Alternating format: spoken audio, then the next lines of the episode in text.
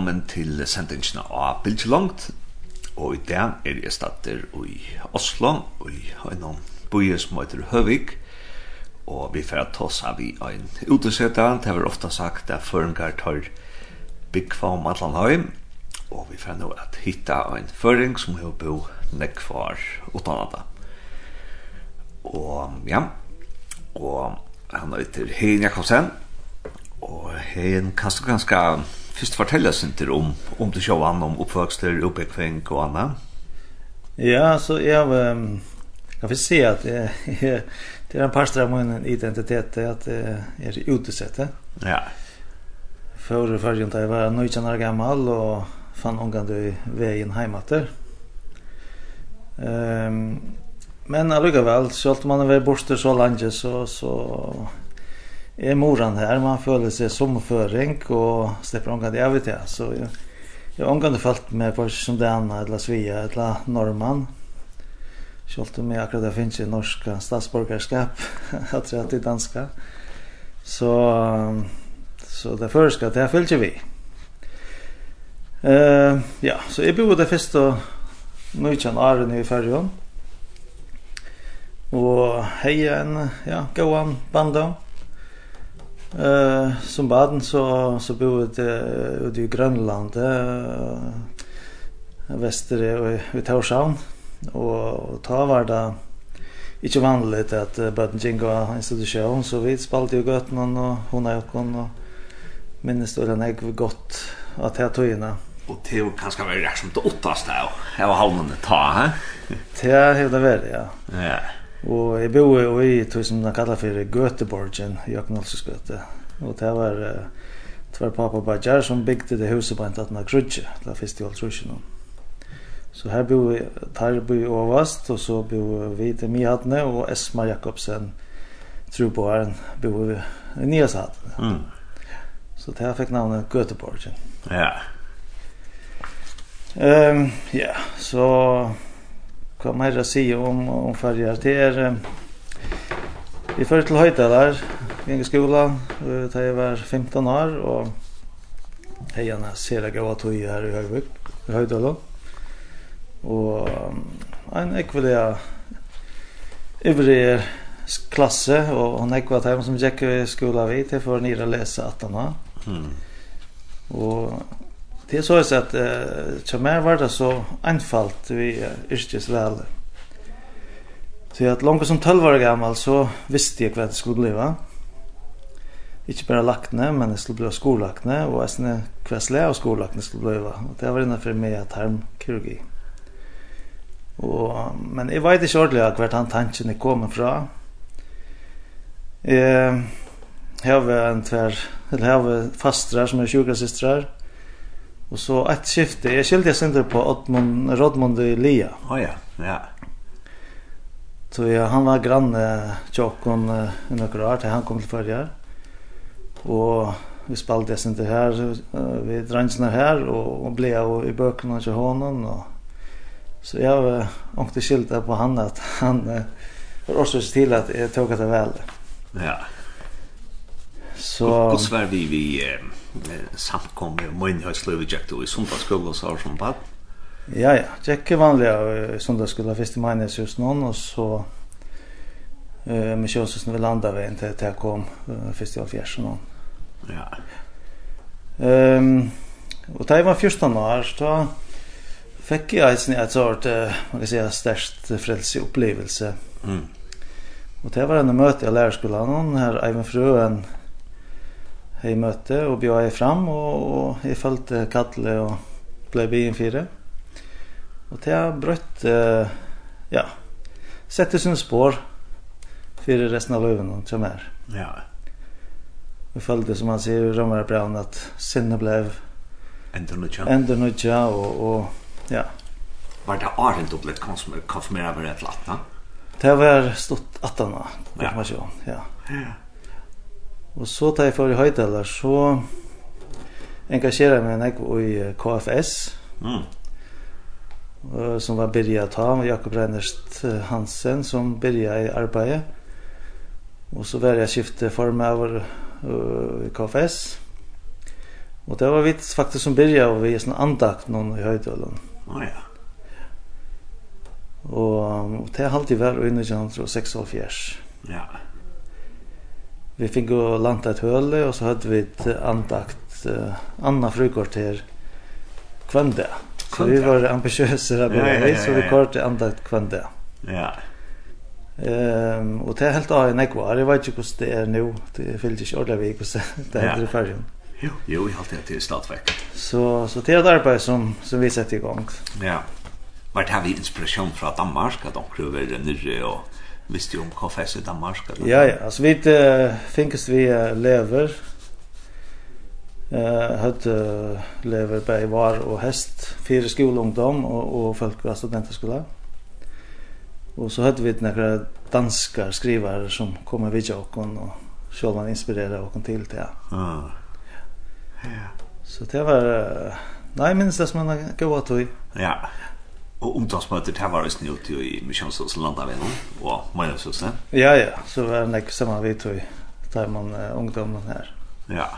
Og KFM var det en ekvivalent i Å, Ja, ja. Så her var det ikke for å sen det KFK eisene. Ja. Til ja, og så er det at att två liv vi student først og så började at lese et arbeid, og kanskje i 8 eller 2 år då först ner att läsa. Ja, ta tiden så var det ja, då måste man lägga sig sent upp fyra så så är för arbete, ja. Jag sen där arbetade jag några månader i spärrkassan någon så arkivera i tänk och allt var manuellt ta. Ja. Och så var det ett år här var, man ser ofaglar där blämöver av dagplan. Ja. Och det var uh, nekve god erfaring vi har hentet her. Ja. Så her skulle vi ett ja, jeg var øyelig av smegen og lydlaten. Tar nästan ikke just tåsa vid folk, men da var man nødt til att komme ut og prata med folk og tenke på i løt og skriva. Och ofta under tujarpress og så videre. Så, så jag lär ut i öliga til till år, till man säga. Ja. Negativt som jeg har haft vimmar Sætne bei lestri og og er matar. Ja, og kospa til at du entai, det ble noen vart onkur som kände föräldrarna att de var rätt starkt och sagt det? Nej, det var bara... Jag var livet i då när jag var ja, matematiker. Så jag skriver inte när jag var förestvärs men alla stärskaste så jag. Så då säger jag ena för vi Helge Jakobsen och han säger att, att uh, Sigmund Paulsen han skulle skifta arbete ha och så där var onkel Hållöj så, så, så är får bara bänka på sig Ola Bräckman och spurte om jag fick arbete och det fick jag på standande fot. Ja. Så arbetade jag samman med Helge Jakobsen och Ola Jakob Rolandsson och Trond Jorus där då innan. Och så först och så nyer. Ja. Att natur arbete. Ja? Som sagt så så så visste jag långt att jag var 12 år gammal för att det skulle bli va. Jag husker jag ångte om också Anna och fixade det vi tonlike och spalte Orgol ble havna kyrkje i Vestkirkene, var vikarer her jeg var, fra at vi var 16 og til i for nyer. Men det var alla tøyna medicin og lakna eh, studier som, som var det viktiga för mig. Och kom så in i Köpenhamn och, och förnyade da att han hadde arbeidt i förrjun et år. Ja. og ja, og det som kan säga att det är att, att, det var en störst omskifte för jag nöjer den gamla han. Smatt, smatt när han hamnade drunk att komma ner till Köpenhamn. Men heldigvis så, så var det flere som jeg kjente som uh, flott nye taisene. Og vi uh, leie var en større leilighet i, av Islands Brygge, og her bor vi den uh, fyra og fem Jag skulle träna någon. Alltså förringar samman. Förringar ja, vi är en kollektiv vi är så. Ah. Och det är helt gott. Ja. Och det var dränger som jag hitt jag någon Kristi arbeid i förrjön. Och Och det var så läs att uh, vi hade det långt ta att han tankarna att att nekve föringar som färra nier som ganska var aktiva och i samkomne och i förrjön. Eh uh, att det blev uh, trobult jag nekvon.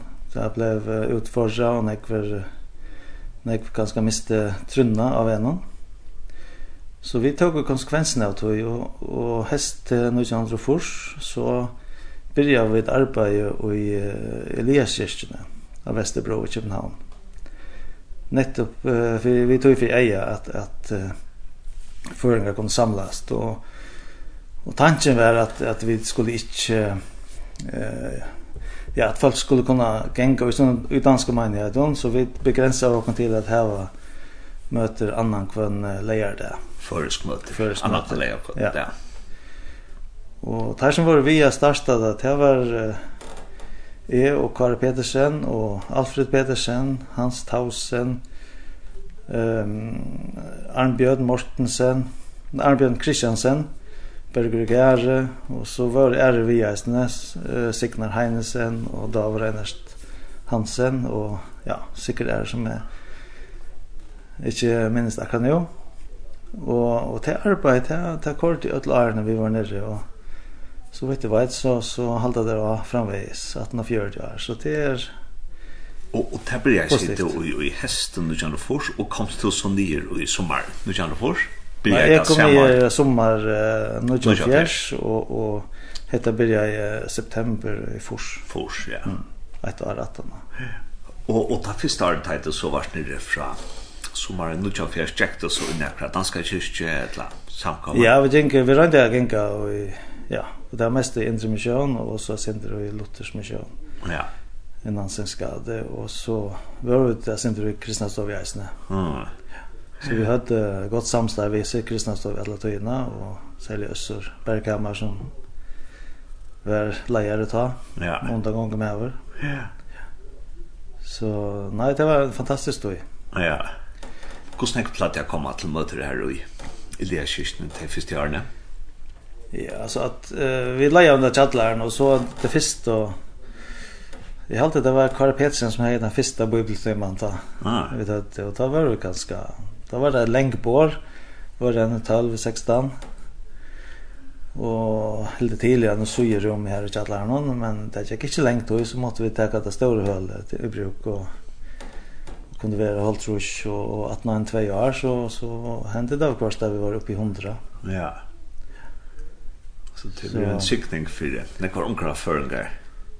Ja, det, det helt vidt, Och det var sikning for Jokkan så ja. Ja, ja. Så det er nekvitt gode minner fra tog tog inne. Ja.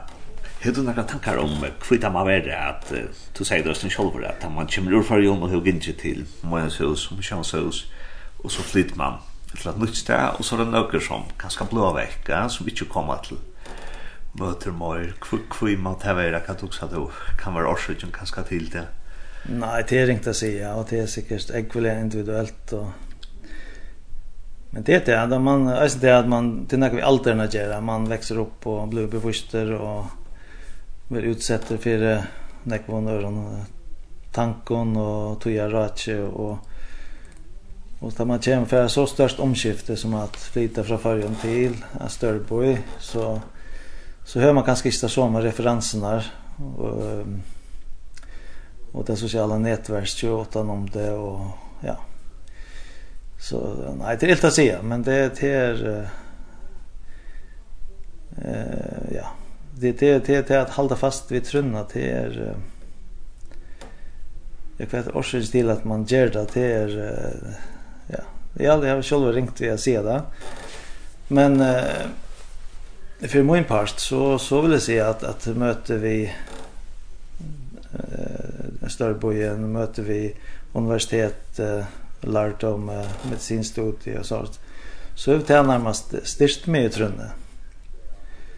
Och särskilt att jag också om en sånn medisinsk tilnærming, Här man lär om hvordan fantastisk människa er skapt och, och så vidare. Så, videre. så så så så tjän jag skapare att han. Mm. Och hon säger så djupt man för ner i detaljerna så så er det alltid nudja horar som åpner seg, att att at det kan ikke være tillfälligt. Vi menar det. Ja, så så stod det till lackna ta ta. Inte bara att ta anfakt det snarare tycker man tog plats bara möra i bevisst om att det måste vara en skapande god till allt fungerar så fantastiskt. Ja, och jag har verkligen avslappnat förhåll till uh, Vicent och ja. Jag har själv nu teacher doktorgrad och vi är vi och i Nekvon Saron som Alltså det kan väl förenas kristen trygg och Vicent. Ja. Det är ju så tjänar en motsättning ut. Nej så tar man sig till nu som ofta vill sätta upp till när man just att Nej, och det är Det är så oförrädligt. Nej, det är ju så mycket. Nej. Mm. Jo ja, och och lackna så till det är artistisk sex år eller så Ja, det var 6 och 12 år ta och, så så gör det ett där sånt där menar läs läsa att eh ja, det var så att jag läs öjlarna jag de första två åren. Och så var det en tvåare mitt mitt i som eh, ganska tog mig lötton och mer fokusera på det sociala och så Öjland jag läst läste det sista två åren. Ehm så träff ett av åren så så tog jag ett halvt år fri och för att bibelskola. Och i norra och i ungdom i uppdrag. Okej. Okay. Uppe i norr eh uh, Trondheim. Ja. Och det var ett fantastiskt år, hållt år. Ja. Som har sett sina spår eh, på nekva matar. Och kanske är orsaken till att det efter hånden ända i norra. Att vi fick nekva öjla goa viner. Som stadigt är man goa viner, att han har nekvar. Och um, det andaliga att, att man fick en, en barlast här som som hever li här alla tøyna som som något positivt och som en styrke i min liv. Och och kvätt gör det att äntligen Malta norra att man kan nästan för att Youth for the Mission i England och Tyskland och Danmark och Nej, jag vet inte det var det att föringar hött och en ex samband vi eh, norrmän. Och säljarna för Kirslem Jönsfälla, där hade ofta vidjan, i alla fall ur norra. Mm Og eisne da i det karismatiske Røsland var i Førjen, så var det ofte normen, vet jeg også. Eivind Fruen, som jeg har nevnt før, og Eivind Fruen var en av stånerne ungdom i oppdrag og i Norra. Så hei, jeg synes det, at jeg drar sin til den veien, og, og, og hei, jeg går erfaring og vidt, og jeg synes det at normen og føringer lojtjast og den ek i mentalitet og hoksnarhotte og så videre, så... Så det har føltes helt naturligt för mig för att han vei. Akkurat. Och så att när det hållvare så så läser man lite namn och ja. Ja, jag hade för jag spelade lyssna mer om om att här vi vi tar halvare upp ju ju ju om de i uppdrag. Men jag hade för att tacka en en sankfest så mm. eh blir det var tror jag sen så vi tacka dem. Första nu tog han så kvant och allt och Ja, det första det är en sanger som er bliven uh, ja, jeg og kona vet jeg hadde han han ble sunget i et brytloppsjokken i Vestkirkene og, og det var en, en sanger som vi har adopterat til som okkara sank og det kjenter det er og veldig skod og først nå så er han tøytter på en så fantastisk måte av Peter Jack Sikvarsen en kanskje den beste tøyingen av nøkro sangen jeg kan tøy. Um, Och så men jag tror höra några enskon. Och det är en en vokalgrupp ur USA som heter Home Free som synger How Great Thou Art. Du, du, du.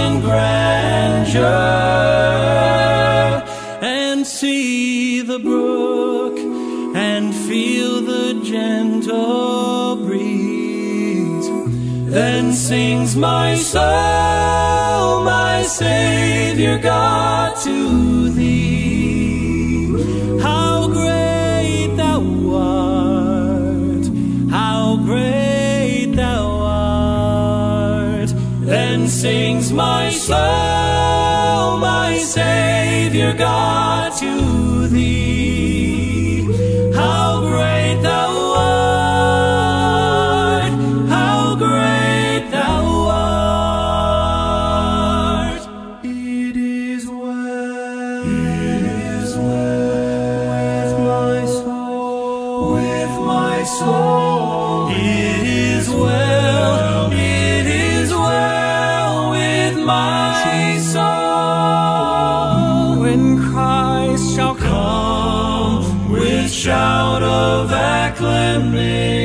shone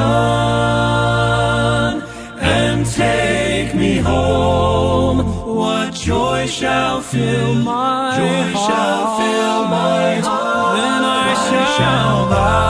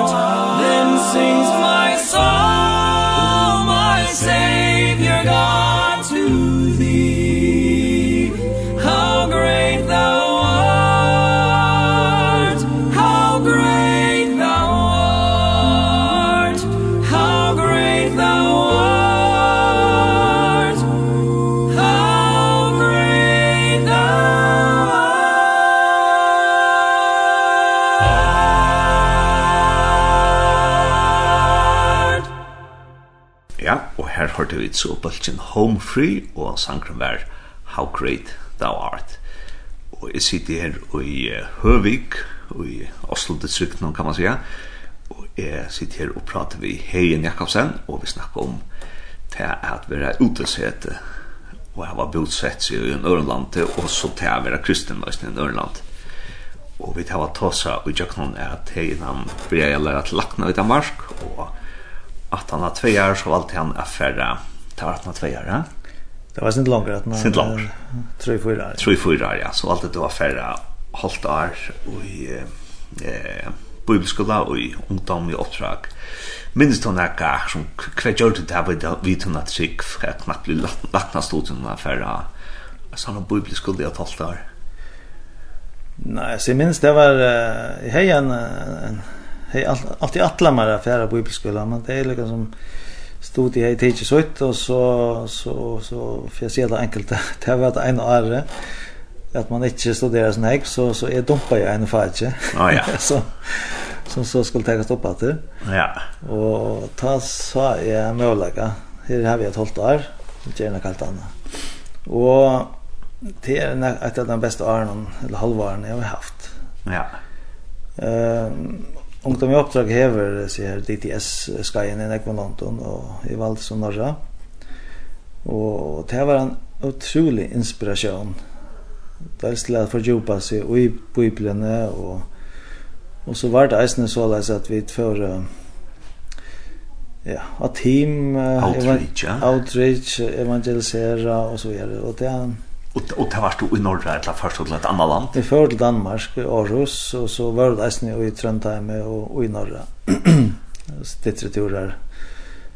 Och, och men så var det det att det var gav ölenek och, och inspirerande utan folk när man lärde känna här och det var nekvel lärare som kom i Esne från utanlanda som arbetade vi och, och, och, och, och, och, så kom undervist och ja, jag minns det bara som inspirerande.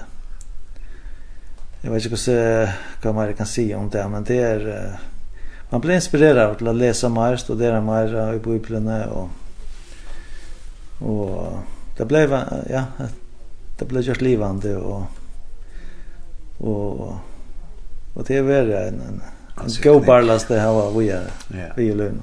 Och så kommer du åter till Köpenhamn och började läsa lagt nattra. Han följde att ha lyssnat till brötter heter halva året. Var inte bilden av det ganska personliga, ett antal Ja, det är, ja, det vil jeg si, ja.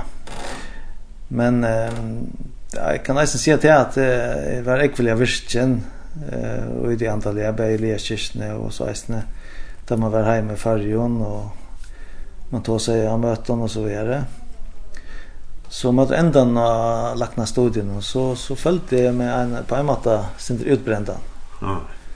Och och tog ett sti atter och fokusera i lite på på läsnajen. Ja. Och inte det att i var stå om trunna eller något så men uh, följde jag att jag måtte lova batterien själv. Ja. Inte bara ge ut men men uh, brukar ta på att uh, ladda upp åter. Ja som er ikke avkjettina for kristna kyrkjer, jeg vet, offra og sånn jeg vet. ja, altså at, at det blir øyla nekva at man må göra og, og man er høyt aktivitetsnivå. Ja. Og så, da jeg var livet å lese, så, så begynte jeg, og da kastet jeg meg i studien og arbeidet, og, og jeg fikk eksamen, jeg frudja det, og mannen där så stod jeg kvitt en klæven og landsjøkhusen. Oi! och skulle ta turnus i färgen. Så jag vet två gott två år i färgen. Och tog turnus så det är det enda. Jag har varit i färgen eh, så jag är flott som jag känner gammal. Så egentligen har vi utsett i mer än 40 år. Och jag bröt jag två ämnen i mitten här. det var så livet vi i turnus så visste jag att jag skulle vara här ambitioner om Serud Bekveng og, og flyttet så til Uddevalla og i Sverige. Her fick fikk uh, starv. Jeg vil si jeg møter alle forvantninger. Eh, og til alle jeg synes det stortlige søve at jeg var en skai i København og så visste jeg at jeg alle var tilsvarig at vi er i Bekvemme. Og langt i en bil og kørte opp ved stranden her og stekket i Halmstad og Göteborg og så i Uddevalla. Jeg har hørt en Østlendar som jeg kjente, at det hadde finnes en nødjan gav en leier her. Så jeg forberedte her og benket på horna, og um, utan avtale, og spurte jeg, at nå kom jeg ur fargen og vil gjerne ha arbeid her. det var det man bruker ork. Ja. Jeg hadde blev så sjokkeret over og ivrasket over at han, han gammel starv på standande fot. Och det ska sägas att han eh leiaren här han han är studerar i Reykjavik. Så det var inte nivet om att han har sympatier upp, upp handa vägen för Ryssland. Så det är ganska vad vi vill till effekta starve. Men han var så svenskare. Han var svenskare, ja. ja. Men han lyser ju i Reykjavik. Ja. Och då det ju slangs och så vidare. Ja. Hur slant ju bort så i Sverige? Nej, i Sverige jag bor ju i fem och ett halvt år. Ah. Och tog så, så speciellt på fem år som var normera. Mm Og, og det er tøyene, jeg arbetade så mye nek, jeg vil si jeg arbeidet med til første hundra timer om vikene, og ta i heie omkring fruviker, så følte farger at vi karrierer i Klagsvøk og Landsjøgrusen og så videre. Så jeg er ikke ferie og jeg er en 3-4 år. Og det var, jeg fikk møvlegger eh, til lærdom, og alt var så avhåverst at jeg, jeg hivet meg på. och ja. Og akkurat han tøyen her, till åren her, eh, hvis jeg skal huske atter at jeg tøyene, så, så er han ekvelig kam. Minnes øyla løyte hva som hendte og, og gjør det, det er alt var arbeid. Ja. Og da man hei fru, så var man så mye med at, at man eh, sansa ikke alt. Nei. Så du kom ikke snakk ut kyrkje her og i Sverige? Nei, men det er nesten til at det, det som er så fantastisk vi, vi er til at vi er tryggvande at uh, kom i samband vi eh, era laknar som var tryggvande. Mm. Och Jack eh, var nog så ofta sån här alltså basen som där här var Restenäs ungdom i uppdrag. Och ett som heter Å, Stiftskård, det var en sån karismatisk kyrka, så var det nog sån här. Och så hade vi ett fällskap och Och vi hade uh, en grupp av sjukhusen här vi Kristna Lakten och Göran i Tudje som hade bönamöter uh, nok så reguljärt. Så hej är samband vi tryggvande folk här och ja. Men uh, det blev inte ja, det blev inte ordentliga roadfester och i och i Sverige. Nej. Följde med på några matar öliga ensamatland. Ja. Man har ju ångar oss ner vanliga referens någon och sociala nätverk som man har haft annars. Så så det var det, det var arbete jag gick ut på att det var svårt. Och så det var livet vi det så hejan och det långsamt efter att komma till till uh, Oslo. Och det var här så följde och det vände rätt till frukten här hos när uppe i Alnona bibelskolan. Mm. Men det var att han vinn hon fick av bibelskolan. Han tar bo i Oslo med rannan. Okej, okay, så tar vi flotter till Oslo. Ja, och det kom alltså en flera av dem härifrån. Så, så det drog tandvägen. Och samtidigt som är hej visste jag att, att uh, normen och, och föringar, det matchar öjligt väl mentalitetsmässiga och i andaliga på något mat där. Ja. Så... Um, Och i Sverige så i Uddevalla så så checkade jag alltså en en samkom här och här mötte jag den här ehm sångaren som heter Roland Utbult. Ja. Och han checkade till mig här och, och och pratade vi kvart vi han och så där så utan att han han vet säkert inte hur är men jag mötte honom til så igjen og han har hälsa så så tog över altså så inte låsan som har vi nå til Gustavs Ja, jag svär sen men det är han som har sunche och ja, jag tar det hemma. och han har skriva öland ekvar Sanche i där kontexten. Ja, skulle vi tacka kanske chat Så så är vi hot att vi tackar en av hans rasankon. Och det är en som heter det faller stenar.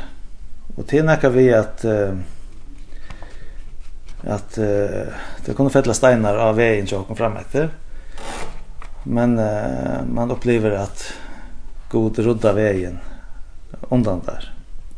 Fåringar, troblägar, han hjälper där i köknen. Och ja, Och sen sier han eisen om att det är uh, Guds kærleik, han känner inte landa mørk, han er universaler. Og, og det, det er en opplevelse som jeg har haft som utsett er at uh, at tryggvande folk, det er som til en familie. Du, du, du, når man får kontakt på ena veien, til man har så størst grundalega felaks. Akkurat, ja. Så selv om du først til Svörgjus, at jeg lærer at du kommer til Norge, så har du på ena vei samband med några folk, och också så djupt samband, faktiskt. Ja, man börjar på ena veien, en djupt nivå, vill säga. Man, men... Det man vet eh och hur eh som referenser och erfarenheter och så det är väldigt lätt att komma in på den måten. Så kan jag huska när också har hört den sanchen. Ja, så vi får höra Roland utbult och sanchen att det faller steiner.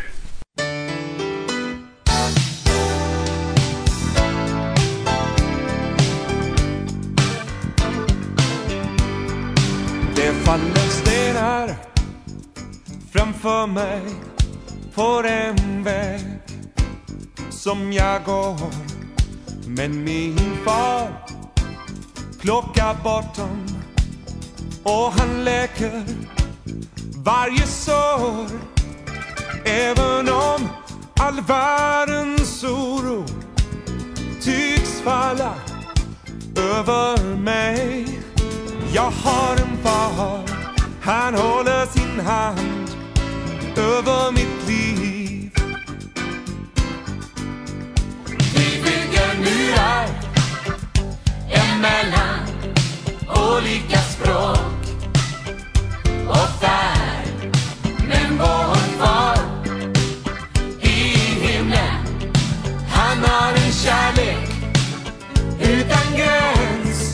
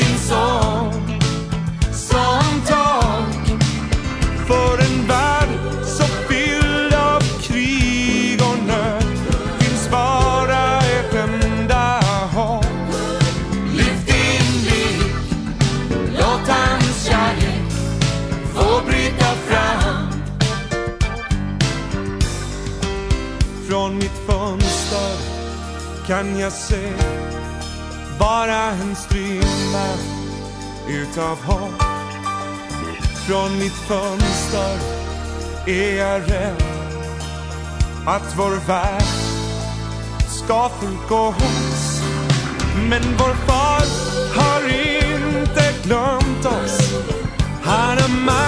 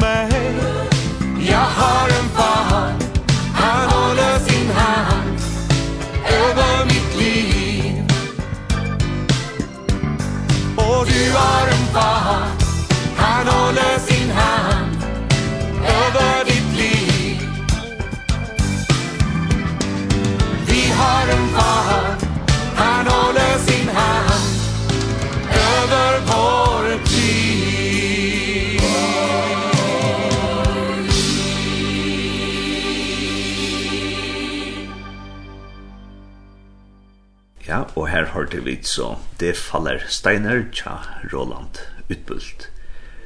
Og jeg sitter her i Høvik og i Oslo, og tar så vi en utesetta som har bodd nekvar utanande fyrjon, en enne fyrjon.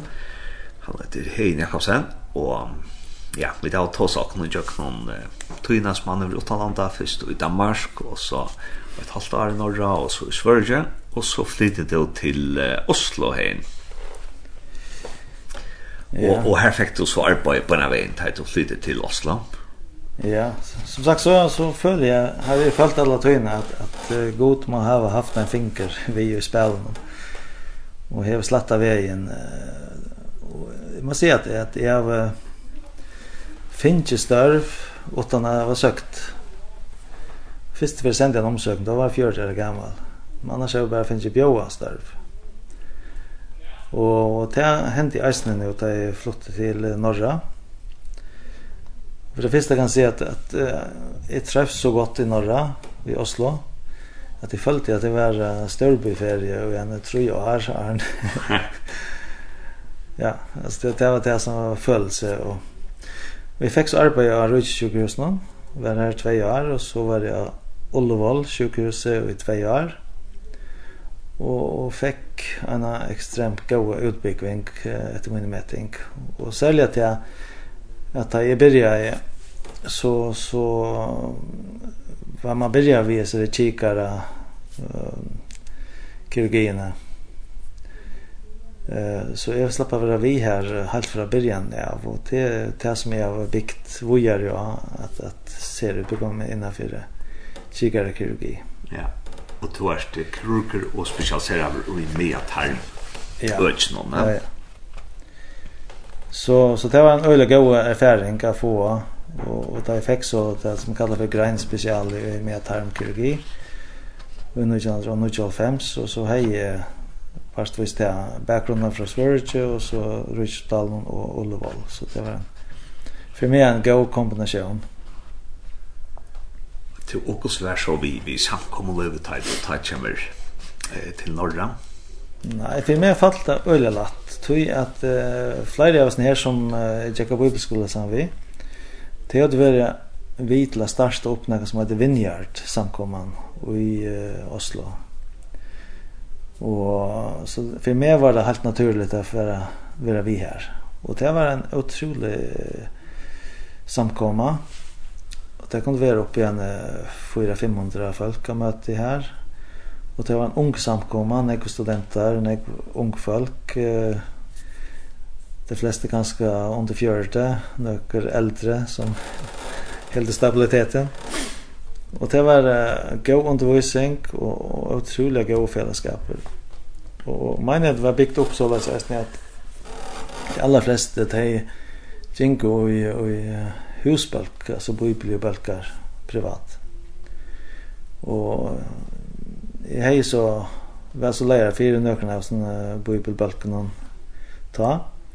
Och det ene ferien minnes det at den ene balken som hadde, vi måtte splitta den opp på fyra fer, så det ble nekve balkar. Så det var nekve folk som løttes til, og... og Og er det nutch folk, altså, som ikke er Ja, ja, det vil si, nekve av dem. Och så var jag sen aktiv i Alfa arbeten mm. och i Vinjart. Ja. Och här flera folk lödde stilla istället. Och det var vuxna folk och i forskjellige livssituationer som som söktes in här och det var en manja så här gotten var öjliga la. Jag kom in och så och gav undervisning och så vidare så. Så det var nästa som löddes till då. Ja. Och nästa var det när vi kontakt vi framvägs. Ja. Så så det var en en fantastisk stoj. Eh uh, sedan så så mötte jag konmenne Reiton och vi gick så några år i, i Storsjällen som är ja Norrmission, det gamla Indre Mission i norra. Tog jag håndcheck här rätt lagat. Ja, och så är det att min bakgrund var ja, mer än Tan vägen och och och här engagerar mig just i alfa arbete och i och i Storsjällen og var vi tog igjen noen år. Um, ja. Så, så samkommerlivet, det var veldig lett å komme inn i, i, i Norge. Ja. Og lukte snakk tog som var i førjen. Ja. På noen måter. Ja. Og, og arbeidsmessig, så tog jeg her i Rutsjukhusen, og, og vet du her i Nekvar, etter først og gjør til. Ja Nej, så jag var livet vid special i 95 så så så måste man ut och söka arbete som ivelackne och jag fick så starv i Bärum. Här var det två år och så flyttade jag till uh, något som heter Diakonia, uh, Diakoniemmet sjukhus. Och här har vi så varit ansätter sedan 2002. Och är det här framvägs och till ett väldrivet Sinte minne sjukhus, men uh, her vil gjøre nek spennende kirurgi. Og er det nekka kristelig du tog av etter diakoniet mitt? Kanskje fra ja, så kristelig, det er, grunnleggelse? Ja, det, det er en sånn man kallar for stiftelse som eier etter sjukehuset. Og det er en, en kristen stiftelse som er mer enn hundra år gammel som som reker etter sjukehuset. Så det er halvgång privat, men det er arbeider på allmänna takster og fire det allmänna. Så vi drøtja en större parst av västerparsten av Oslo.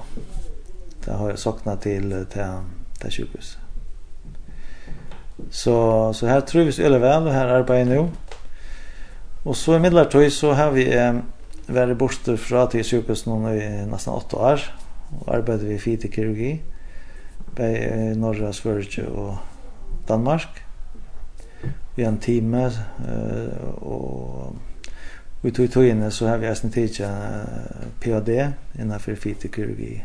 Og det er til til vi gastric bypass og, og så ja? Til en parsell, ja. Gastric bypass så är det metoder för ja. fytikirurgi. Og her gjorde man så et team, altså tvers om Danmark, Sverige og Norge. Ja, det var en Østlender som, som ledde til teamet, så var det jeg og en normaver og en iraner, så vi var fyra som som uh, ferreist og heia opp til en 100-120 reisedag. Så vi var i Hamlet i København, og så var det i Malmö, og så i Oslo. Og ferreist rundt da. Mm. Ja. Så det var en spännande tog, og det var uh, ekvila djevande så utviklingsmässiga innanför kikarkirurgi. Ja. Så det är det som jag tror vi har sett vi nu. Ja och arbetar mest med att utveckla metoder och lära yngre kirurger. Det, är det största min uppgåva nu. Ja. Jo, jeg husker ikke at jeg har torsporninger i samband vi, vi ikke tjater vi til at du er er slagt nye. Eh, hvis vi takker sår som at at bia for sjukken om leching og sår, hva tok seg til som lagt nye om til at det var bjøa fram til forbund for sjukken? Nei, jeg har vi onka onka, onka trubla vi tog i. Nei. At uh, jeg trykker på en god som, som hever skapt okkom og som hever uh, ja, konstruerat det fantastiska skaparverket som, som vi det Og at god kan uh, vi sønne fingre kan rette på några ting vi skaparverket noen til at det har vi onka trubla vi. Ta i vitt bia for folk, ja. Ja. Ja. Så... Um, Ja, så jag har alltid också om det. Det är ja, vi har gått sjukas verk och vi kan be för folk så det är så hem så. Ja. Så det det har vi inte haft trubbel vi. Nei. Ja. Så er det hit som jeg også också om til er nå har jeg glemt hvordan så tanke jag känner att tanke chans som ligger her oppe, då är det Høyvøksvenn om, eh, ikke katolska kyrkjan, men men hinne til at jeg sånne flytskoleisene, eh, eller her var, nei, til høytte, ja, är det metodister i England ska man. Men men tas mig vill fram til det att tennis har en kyrkorattning där te halta te halta har som höjlta en lejer där i stedet för som där. Ja, adventister, ja. Adventister, adventister, ja. Og de har vært nok sånn jeg for Østene som inspirasjon fra Bibelen og Trønne, hvordan man lever og et godt og sånt løy, va? Mm. Og, og huksa til nækka som kanskje lagt ned, og vi tog noe spesiale om om at vi fra god til å finne du vet, en, en kropp og sal og anda og at det gjør oss inspirasjon til at vira det biologi vi da finne og sånt Ja, altså jeg skal ikke moralisere på noe såret. Nei. Så hadde man man var mer sånne ganske fyr og, og ikke er utrøtt og korset søgnen. Og, så nei, jeg var ikke glad å slappe forhold til det. Uh, ja, innanför rymd blir man, att eh, försöka vara på kropp och likam och inte minst denna såna sal. Det, det är viktigt. Mm. Så nej, jag vet inte något utöver det vanliga huxan om akkurat det. Nej. Det var lite Till Och så är det flott till Hövig nu. Och så så Telix så sen drotta för så där centrum och storsalen så nu kan jag det en ära samkomma. Ja, det var så så att vi bor i en fina lägenhet inne i boinen och och så att den sista drömgren skulle komma så så hade bruk för en rum jag trätt så så då började jag hitta jag sen utanför byn. Det är inte längt utanför så vi brukar smärna kvarteren till centrum så så vi fann att ett rättligt störst hus uh, i Hövik och, och här har vi så boende nu det sista 11 åren. Och ta valt vi där snett att flytta till eh, lokala menighet. Det där blev förlängt därför inte Oslo och och ville ha lokala för ankring och började så i eh, det som kallas för Pinsekirken i Sandvika som ligger helt nära nere vid Bikva. Og en av grunnene til at vi började av her var at uh, det har et veldig godt badnarbeid. Badnakør, sundagsskolar, flere nivåer, godt ungdomsarbeid og så videre. Så, så vi til det at det var viktig at jeg var bøtten og ta møvlagan, at uh, det kristna fellesskap. Og ja, så vi drar inn et førmål at jeg var det man ja, nekka av tog som vi sjolva fink og som vi talte er godt og heva som barlast i løyvna. Og vi trivas der og det er det er en stor manjhet og, og her er nekv her er onkre føringar som er genga eisne og ja så det, det er lätt det man följer som sina familjer som vi säger Janne i, i Sverige det er det samme her att vi få eller gå god kontakt med folk och vi kan gå husbölche och och och vara sånt aktiv och i mera praktiskt kon virke och i i det samkomna. Till och tajt och börja igen så ser du att vi att att att då står tört uppvaxande för jag så väl då en lustslöj så är det just utsett ja men men då stadväck uppfattar det som har förring. Hur hur ser det så vi vi på någon tid man så i gifter vi norska kone og bøttene komme til hava teg østene en identitet som er sin det første. Ja, jeg vil si at det. Jeg tog seg bare først hjemme. Bare vi bøttene og kone, så hon kiler, og bøttene tog seg rettelig godt først. Og vi där var nok snakk i fargen, og häppen vi det var sted at komma och ut av vi i fargen. Så vi där i fargen en tvär tror jeg, for om året. Och är det viktigt att uh, varva det där förska och, och min hoppsan är alltid att bøttene det skulle få det bästa av tvärm och kulturen. Uh, och ganska trimont. Jag han kommer från Västland någon och det är inte örvis i en Oslo.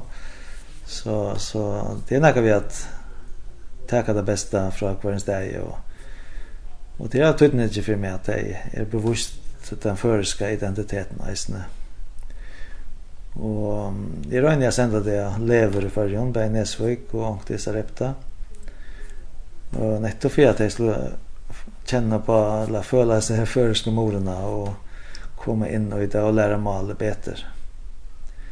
Så jeg har alltid til en, en gava jeg kan gjøre dem. Og, og etter vi male så er det ikke bare for tog at, at, at, at då det två mal, så det är lättare att lära dem att tro och och så vidare. Så Så man, man utvecklar det här malöjra.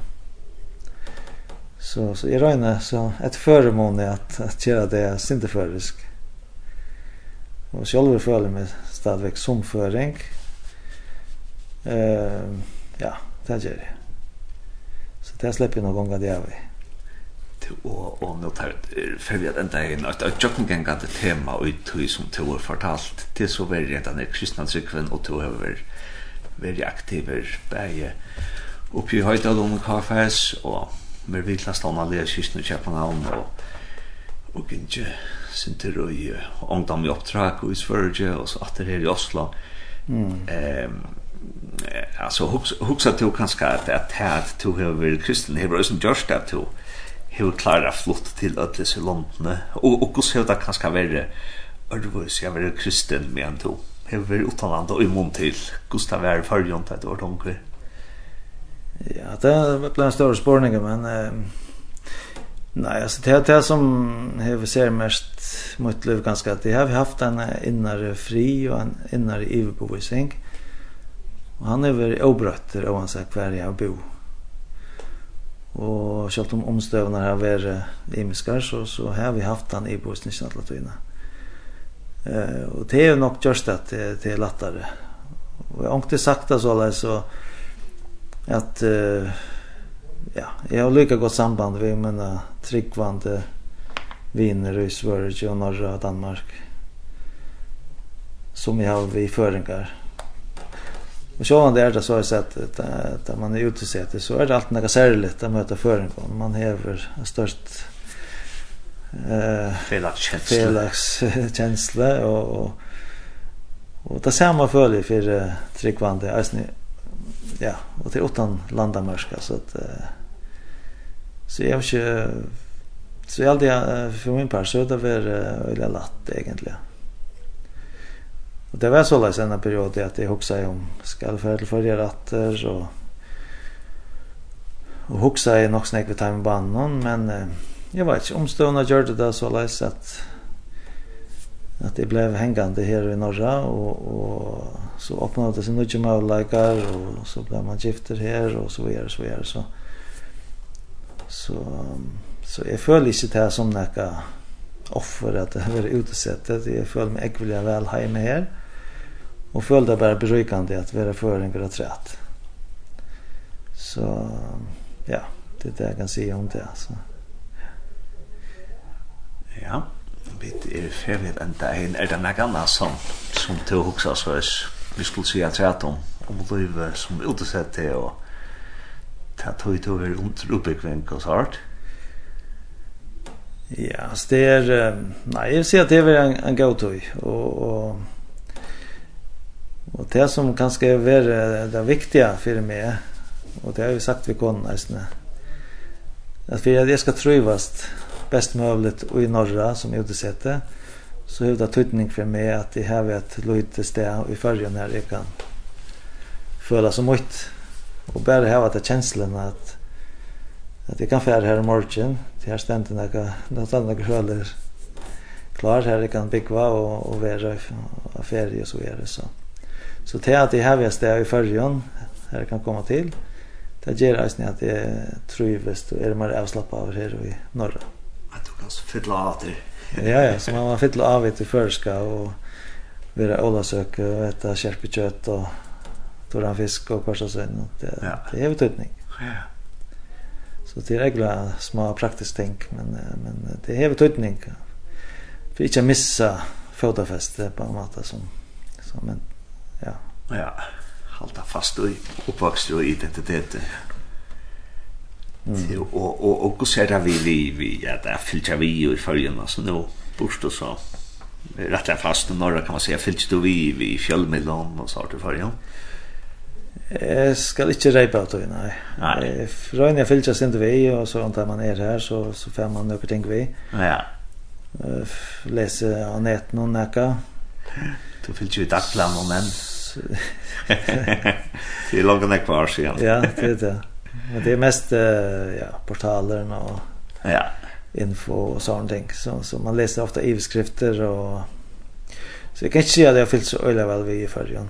Jag har några viner här som så fyllt jag bete vi är och så har du också ta emot kanske. Tar uh, att fratta hvis det är något särligt så så ja. blir fritt ta om det är något nytt. Ja. Så tar jag få det mesta vi så jo jo, Rönne jag hänga synd vi men inte inte det dagliga det det blir inte så näkvat. Og en sista kan det er vi vi førengon i Oslo, altså er det en fellesskaper mittlen førengar i Oslo? Eh, det er en, en sånn norsk færest forening, altså det, det vil si at det er ikke et føringarfela som så, men det er en, en, en norsk fela som för folk som er intresserade i färgerna. Och och det vill jag inte riktigt att hålla liv och i till fällan. Det har vi haft några varsler och kulturella inslag och så vidare. Och det har inte varit så nägg folk som har samlats här.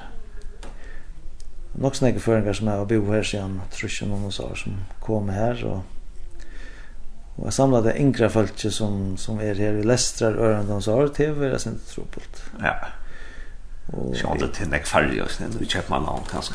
Det är det, men ösnen det som är alltid att att föringar här i norra där integreras uh, kanske en en större mån än det gör mm. i Danmark och Sverige.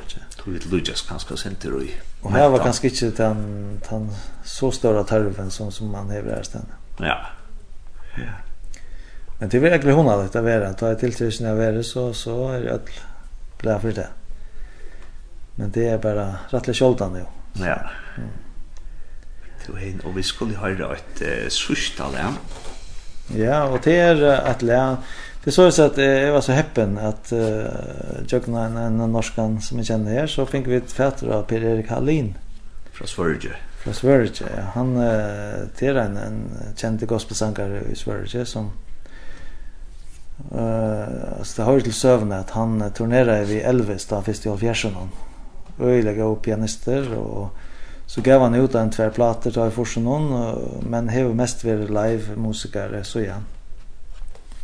Så jag fick möjlighet att her, här att spela på flygel her i Stavne och og vi hade en huskonsert här var en ett frisk folk. Och det det var jeg vet ikke om man sier det først, men det var magiskt. Han spelade på ett flygel jeg tror jag tror jag för samfalla timmar sank och vittna i og så det var helt helt fantastiskt.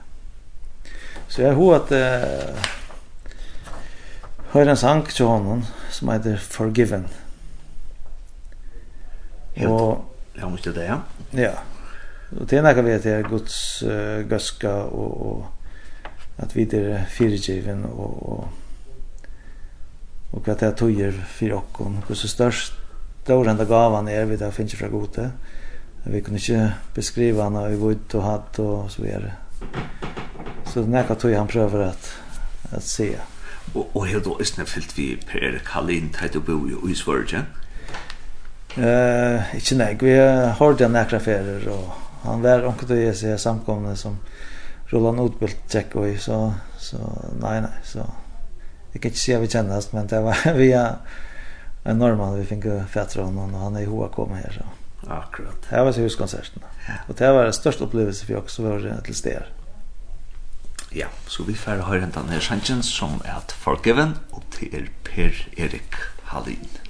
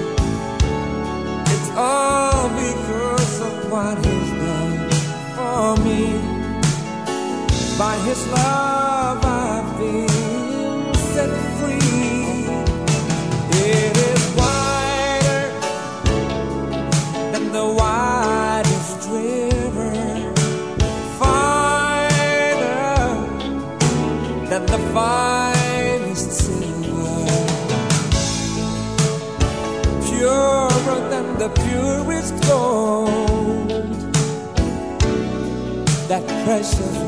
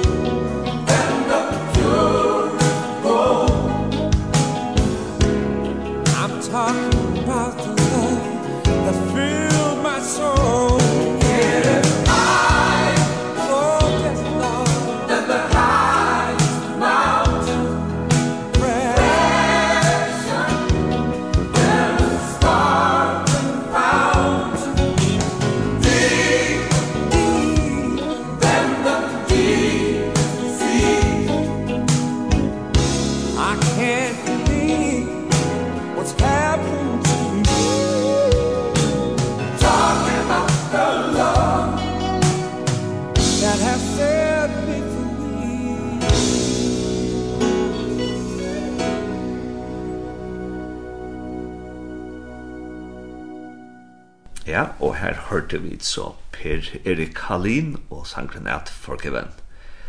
Og hetta var så enden av sendingen av Bilge Langt, og henta sendingen var enda sendt i kvöld klokkan 19.30 og i natt klokkan 4. Og hun var røysene lagt ut som podcast, og ta kom dit kanskje av Spotify eller Apple Podcast og bare løyte etter av Bilge Langt, og så finner dit okkar sendingar som podcast. Og Og det snilta er her at hvis man alle ser av eh, Spotify at så er det en liten runding på en pøyle og så kan man trusta av det og så tek man disse sendingsene nyra av sin telefon og så kan man lusta med man kan ska køre en bil eller man renner en tur eller vaskar huset eller noe sånt. Ja, så takk for i morgen og have en gåan day out.